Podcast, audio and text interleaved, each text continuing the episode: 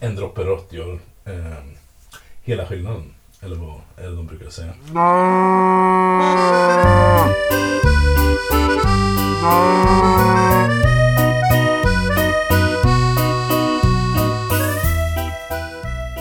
Det här är Ostpodden och jag är Johan. Välkommen till ett avsnitt där vi klarat av påsken, anar vår i luften, hostar och är lite täppta.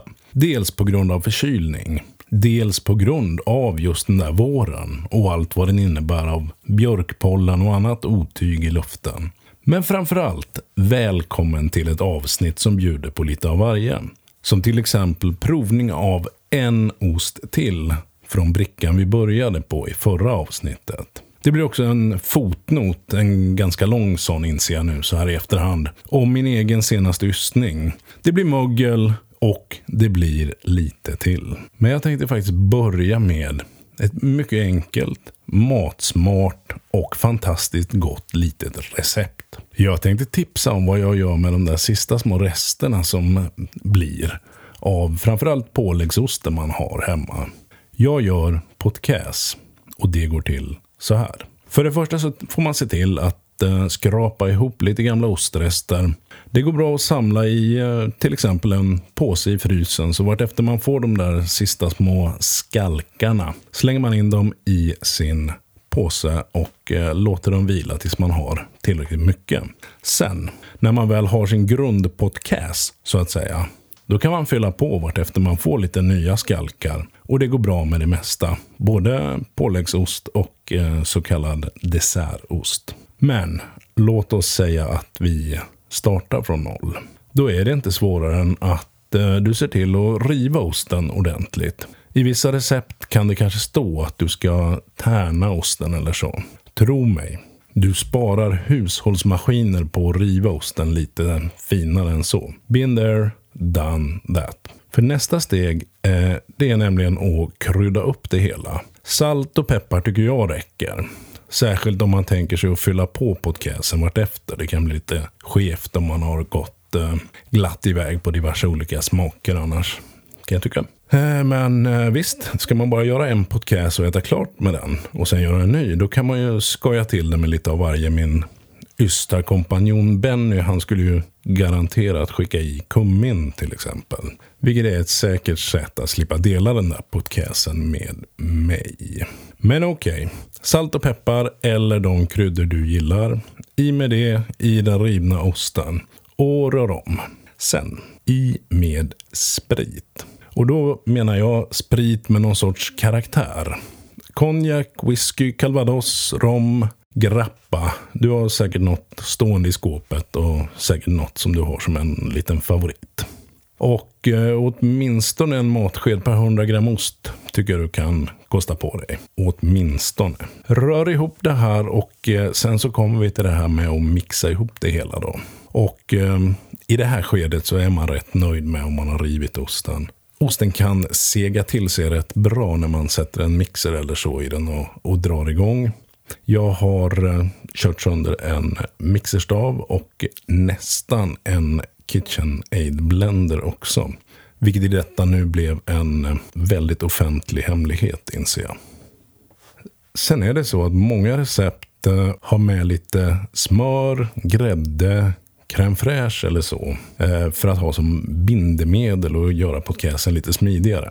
Personligen tycker jag att det är lite fusk. Och så misstänker jag att det ställer till det lite grann med hållbarheten. Om man nu tänker göra en sån här eh, fylla på podcast som jag tycker är rätt sätt att göra det på. Så jag skippar det där smörjmedlet och eh, lever gärna med en lite torrare podcast. För när du mixat ihop det här, ja, då är det klart. Så då är det bara att skicka ner det i en burk och ställa det i kylen. Minst några timmar. Men i princip kan du alltså bara fortsätta och mörda på med mer vartefter du får ost över. Och ost ja. Alltså påläggsost tidigare. Det behöver givetvis inte vara bara det. Utan skulle du mot förmodan ha något gott över från ostbrickan så är det bara att skicka i det också. Ät det här på kex eller med ett gott knäckebröd. När som helst tycker jag såklart. Men det är väldigt trevligt som ett litet välkomstsnack. med lite bubbel till.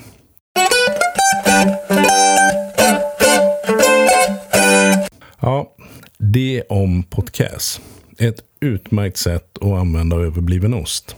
I och med detta så tycker jag vi tar ett stort kliv till tillverkning av helt ny ost. Något som jag ägnade mig åt eh, för inte allt för länge sedan.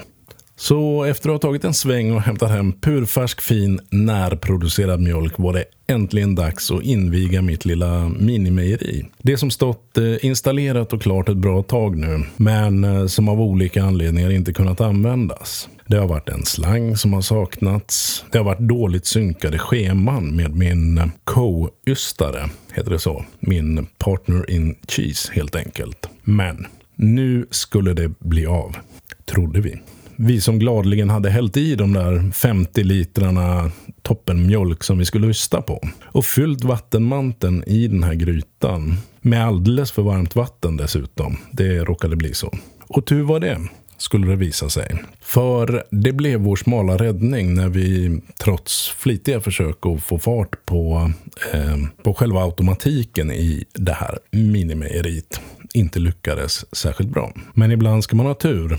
Och eh, vi prickade ganska precis 30 stabila grader när eh, mjölken hade kommit upp i temperatur. Och med så mycket vätska som vi hade, 50 liter plus de, jag vet inte hur många liter det kan vara i vattenmanteln. Då håller sig temperaturen väldigt stilla ganska länge.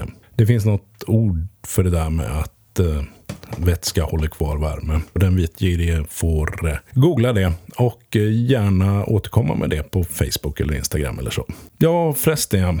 Efter att eh, de senaste gångerna har gjort eldost. Ni vet den där osten som är ungefär som halloumi. Som kan vara väldigt mycket som halloumi. Men som inte får kallas för halloumi om den inte är gjord på sypen och så vidare. Det finns säkert ännu fler krav. Eh, men efter att ha gjort den, efter att ha gjort vitmögelost och efter att ha gjort kittost så var det dags för en sväng blåmögel igen, tyckte jag. Och det tyckte Benny också, som jag ystade med. Eller i själva verket tror jag inte han hade så mycket att säga till om där. Och den som möjligen kommer ihåg något av Ostpoddens eh, avsnitt nummer ett kanske också minns vad som ska hända nu.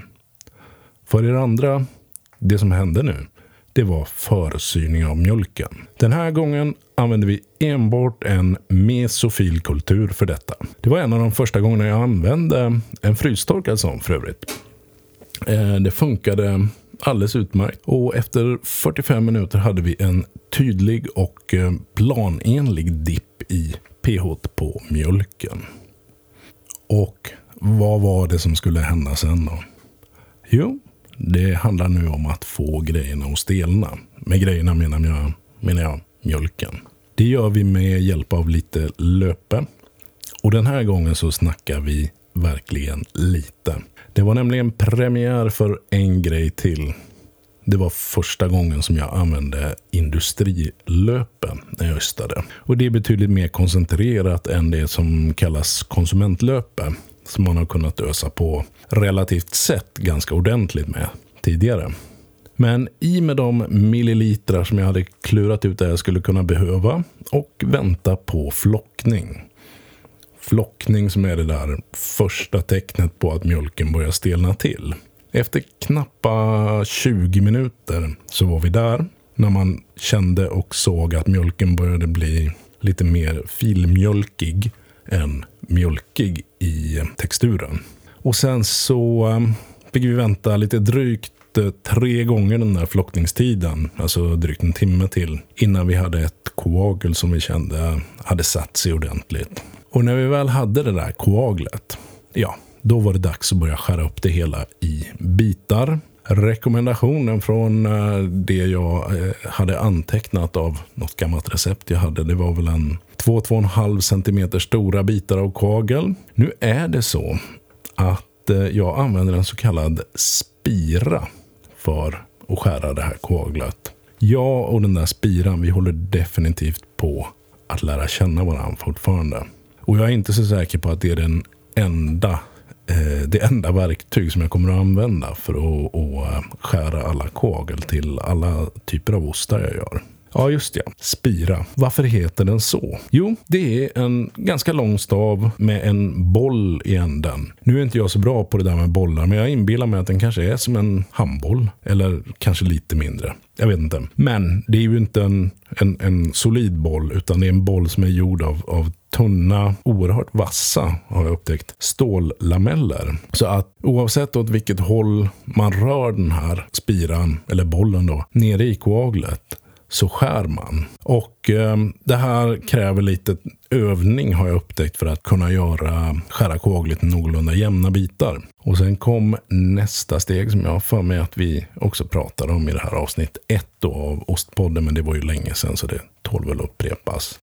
Det handlar om att röra och vila så att eh, de här små koagelbitarna fick bilda sig en bra yta och eh, att vi kapslade in ungefär så mycket vätska som vi vill ha i de här. För en blåmögelost av den typen jag gjorde så vill vi kapsla in ganska mycket vätska.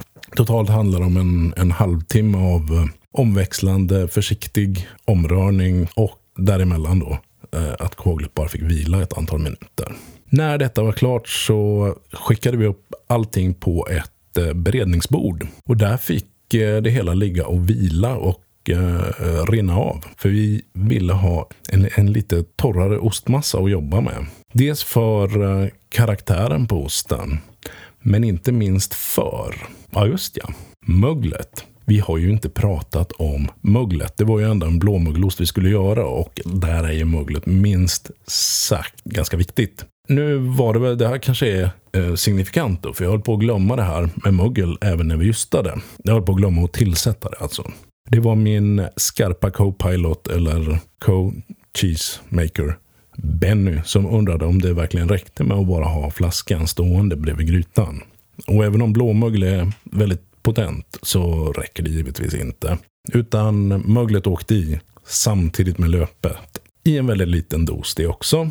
Och det här möglet det var alltså på flaska. Det var ytterligare en premiär. Jag inser att det var en, en sorts trippelpremiär på ingredienser här. För övrigt införskaffade från Kemikalia som väl är en av ett fåtal eh, stora leverantörer av såna här bra saker att ha när man nystar. Det jag använde det var ju Penicillium Roqueforti och eftersom jag är live på Instagram nu så ska jag faktiskt se om jag inte kan plocka fram det. Hang on.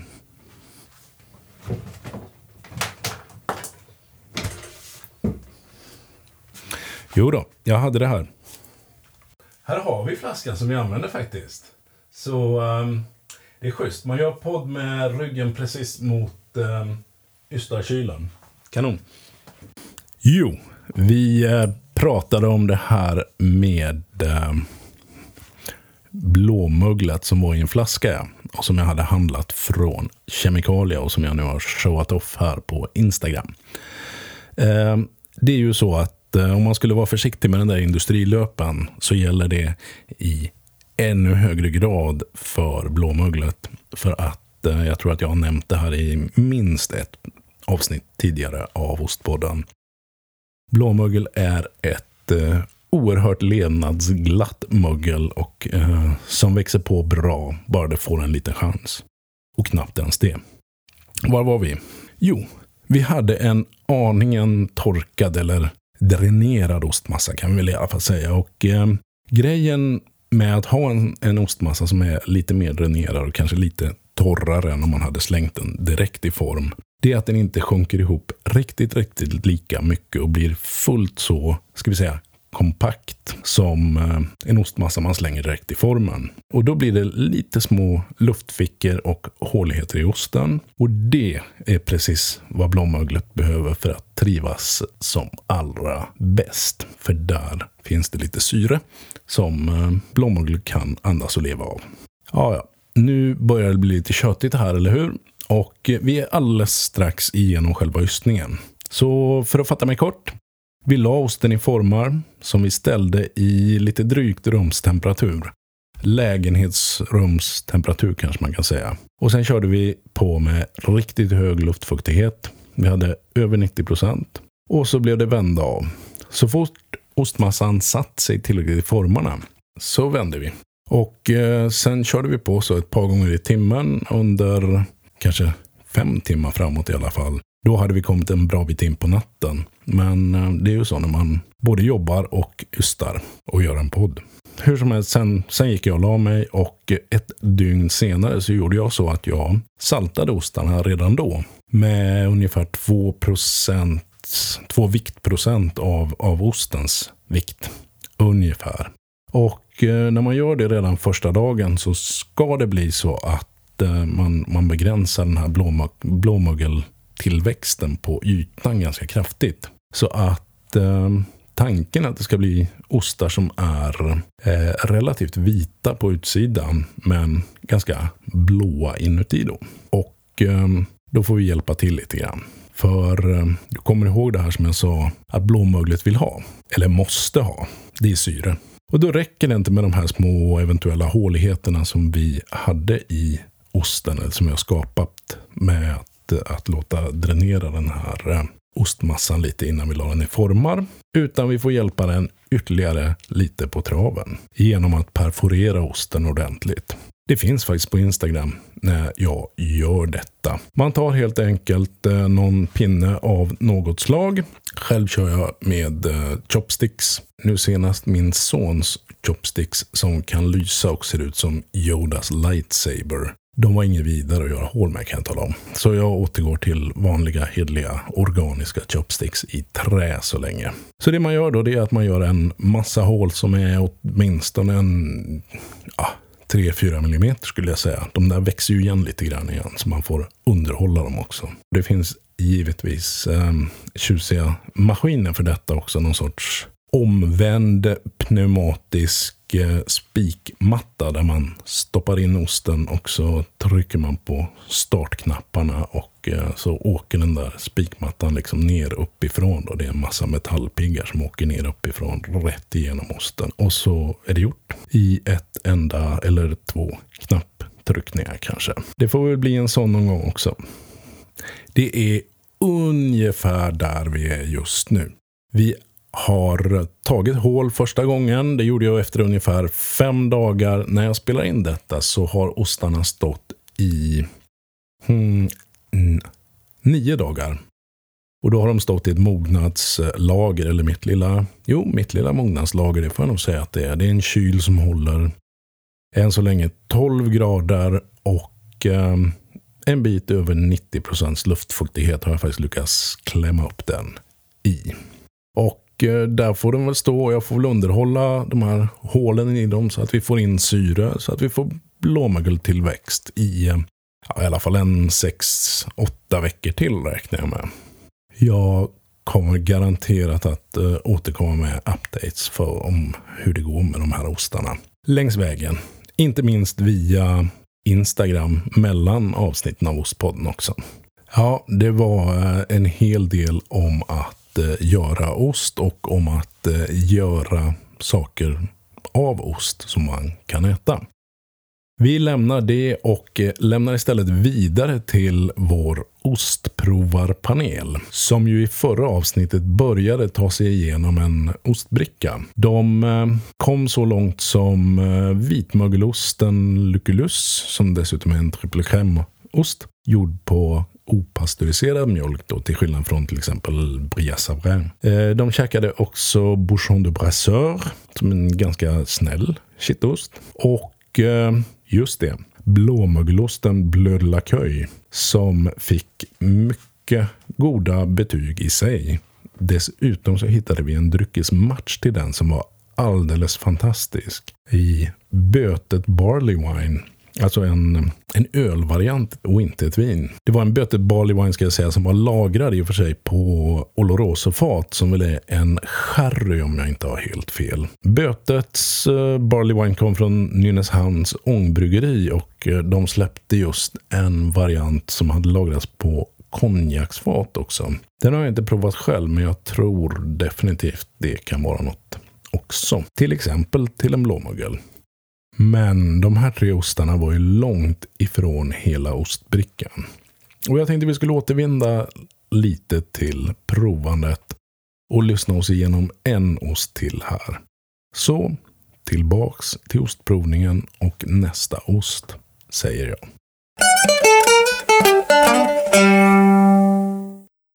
Du har ju jättebra smak, Lökar.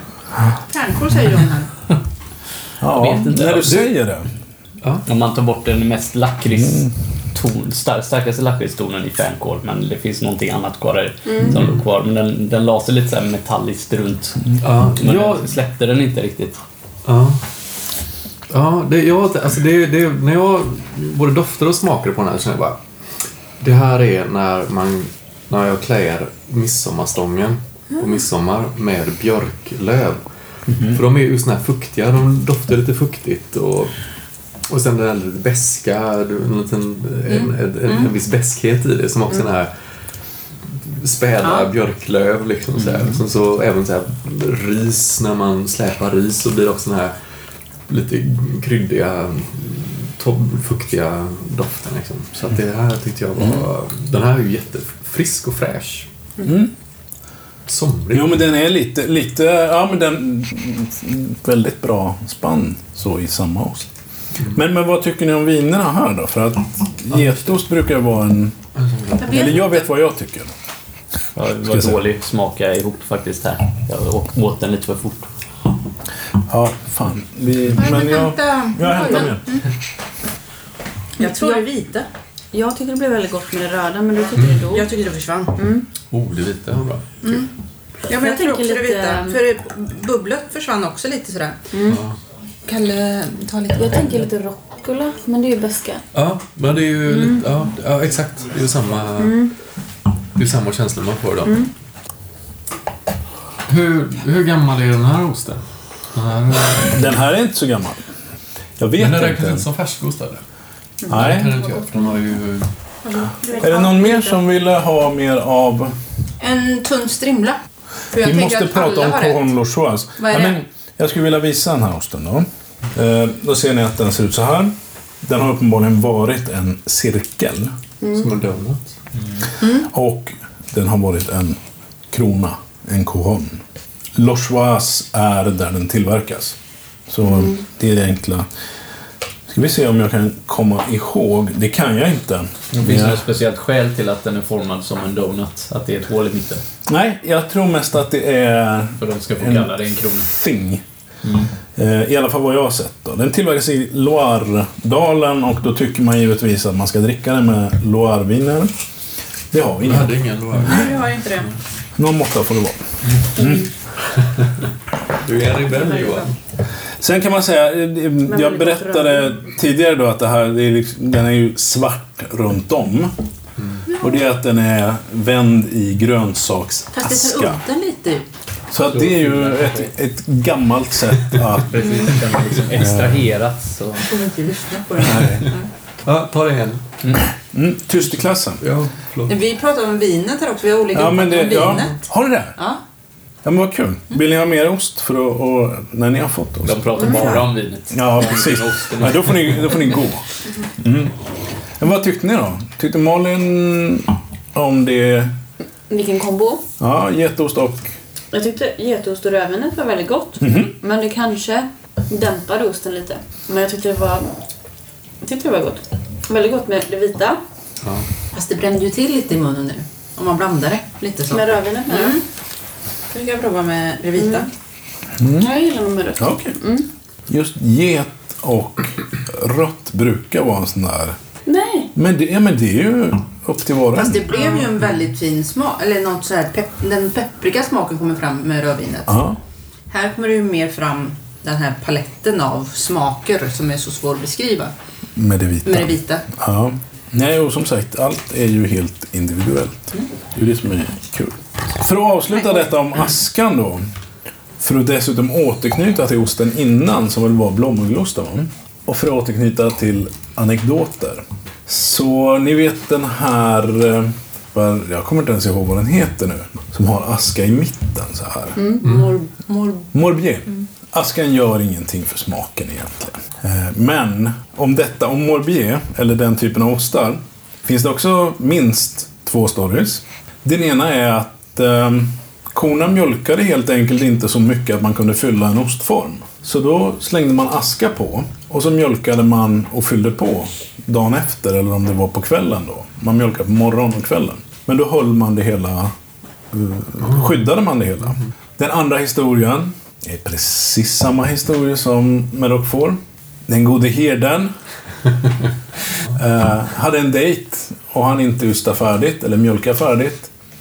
Så eh, han slängde på aska på osten och sen drog han iväg och dejtade och sen kom han tillbaka och kunde fortsätta göra osten. Så hade han aska mitt i osten. Men på tal om ost så berättar ju Vanessa om den här osten som vi äter just nu. Den blir så här pass stor som en donut. För att det där var en get, får, get, producerar på ett dygn. Det är inte mer. Utan eh, att man liksom tillför hormoner eller gör någonting liksom för att det ska bli mer mjölk. Så det här är liksom En vanlig glad en rad, Eller en, en- rad get som håller på att En get där. utan hormoner och grejer. Ja, Ja, som har annat för sig också än att, ja. än. Dejtar och håller på. Ehm, Ja, den var Ja. riktigt god. Mm. Den var jättegod. Jättebra. Den eh, vill vi ha mer utav.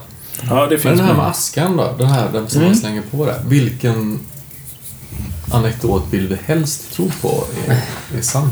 Man vill tro på kärleken. Ja. Jag vill tro på kärleken.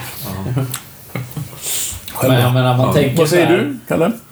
Ja, jag, Om ja. man sitter där och mjölkar och så kollar man på sitt eh, timglas eller vad man hade upp till. Och så tänker man så här, shit, det är jag för sen. Jag måste göra något. Ja, men jag tar den här askan och slänger på den. Det måste ju vara det som gör det. Om man, om man tänker trovärdighetsmässigt. Jaha. Ja, ja, men de kanske använde aska innan till liknande grejer. Mm, och frågan är, var den varm då? Hade han så här en eld som hade brunnit ut där askan var kall? För om man lägger en varm aska Jag tror kan var en slö bonde. Han orkade inte elda mer så han tog den gamla. Mm. Från Men har man inte använt aska i många tider? Typ man gör pottaska, man gör eh, tvål och när man utvinner eh, olika andra ämnen. Jag tror, tror, alltså, jag tror det var en ganska viktig ingrediens i mycket Mm. Det det gamla ja. medeltida samhället, Ja. eller det här gamla samhället just att man använde Ja, man ja, till att sterilisera saker. Liksom. Det var någonting som var sterilt. Det fanns ju inte så mycket annat som var. Så. Ja, men så var det. Eh, Ostar och kanske korvar också.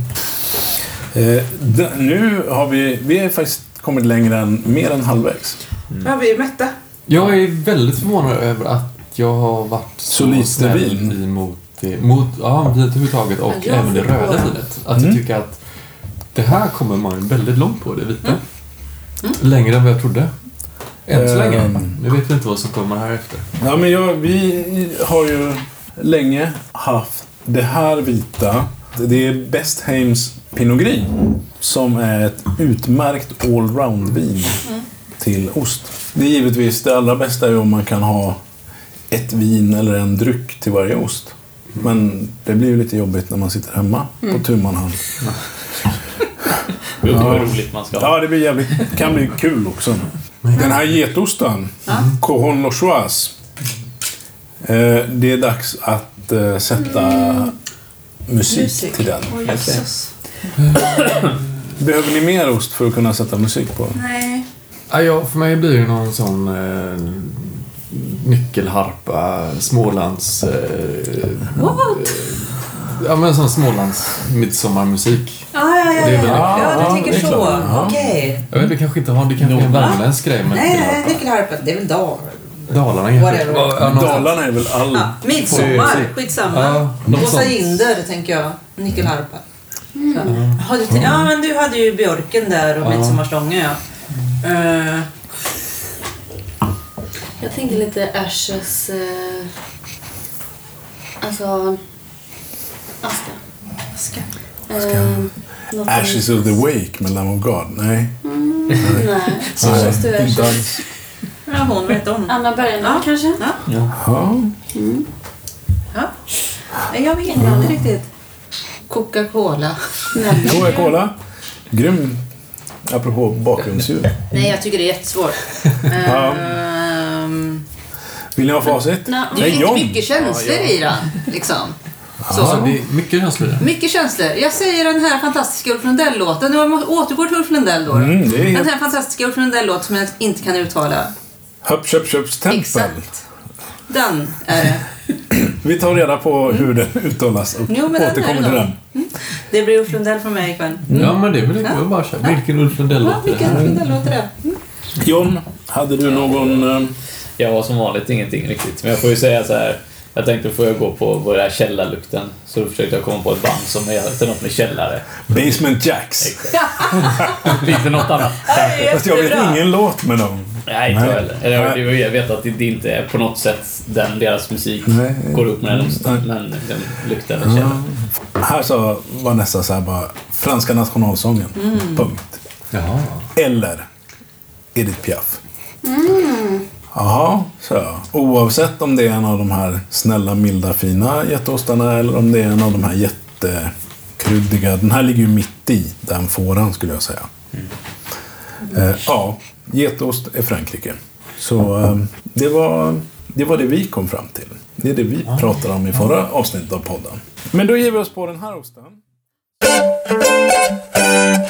För den som inte lyssnat på tidigare avsnitt ska jag berätta att den här ostprovningen bygger på den ostbricka som Vanessa på ostbutiken Osthyveln komponerade åt oss när vi sågs och pratades vid i avsnitt 3 av Ostpodden. Kolla in det för all background och för en massa annat trevligt snack.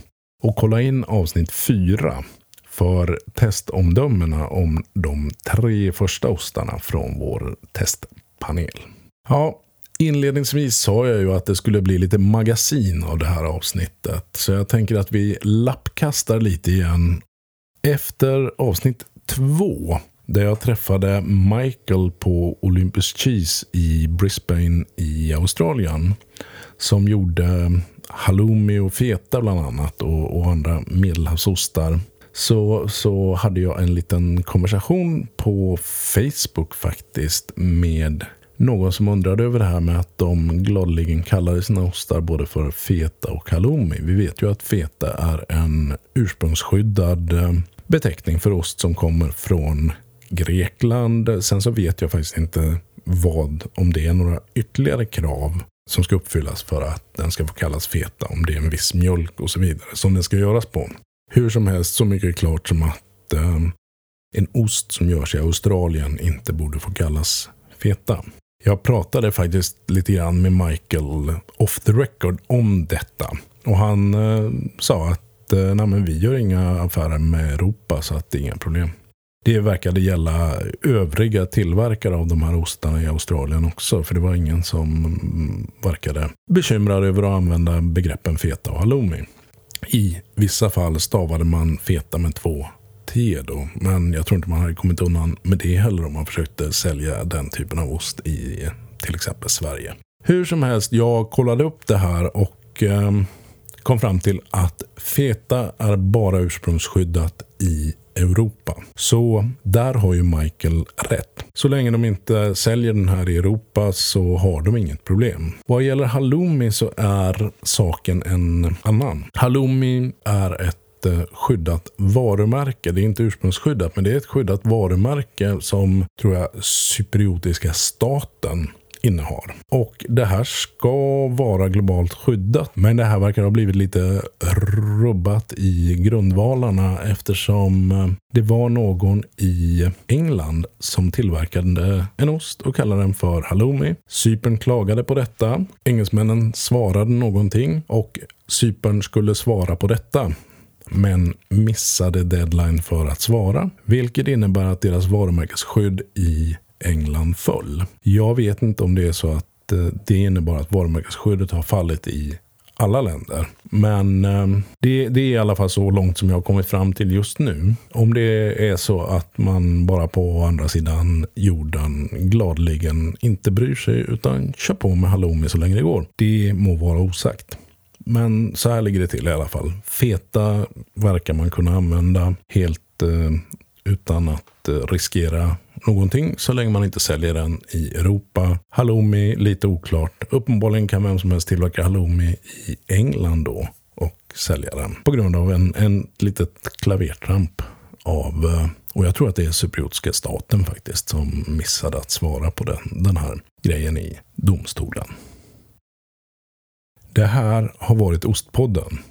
Du har varit tapper. Och du vet ju att det som händer när det inte händer här, det händer på Instagram och Facebook. Där kan du till exempel se bilder från ystningen jag pratade om. bild på spiran och du kan följa utvecklingen av blåmögelostarna som jag sa tidigare. Gör det.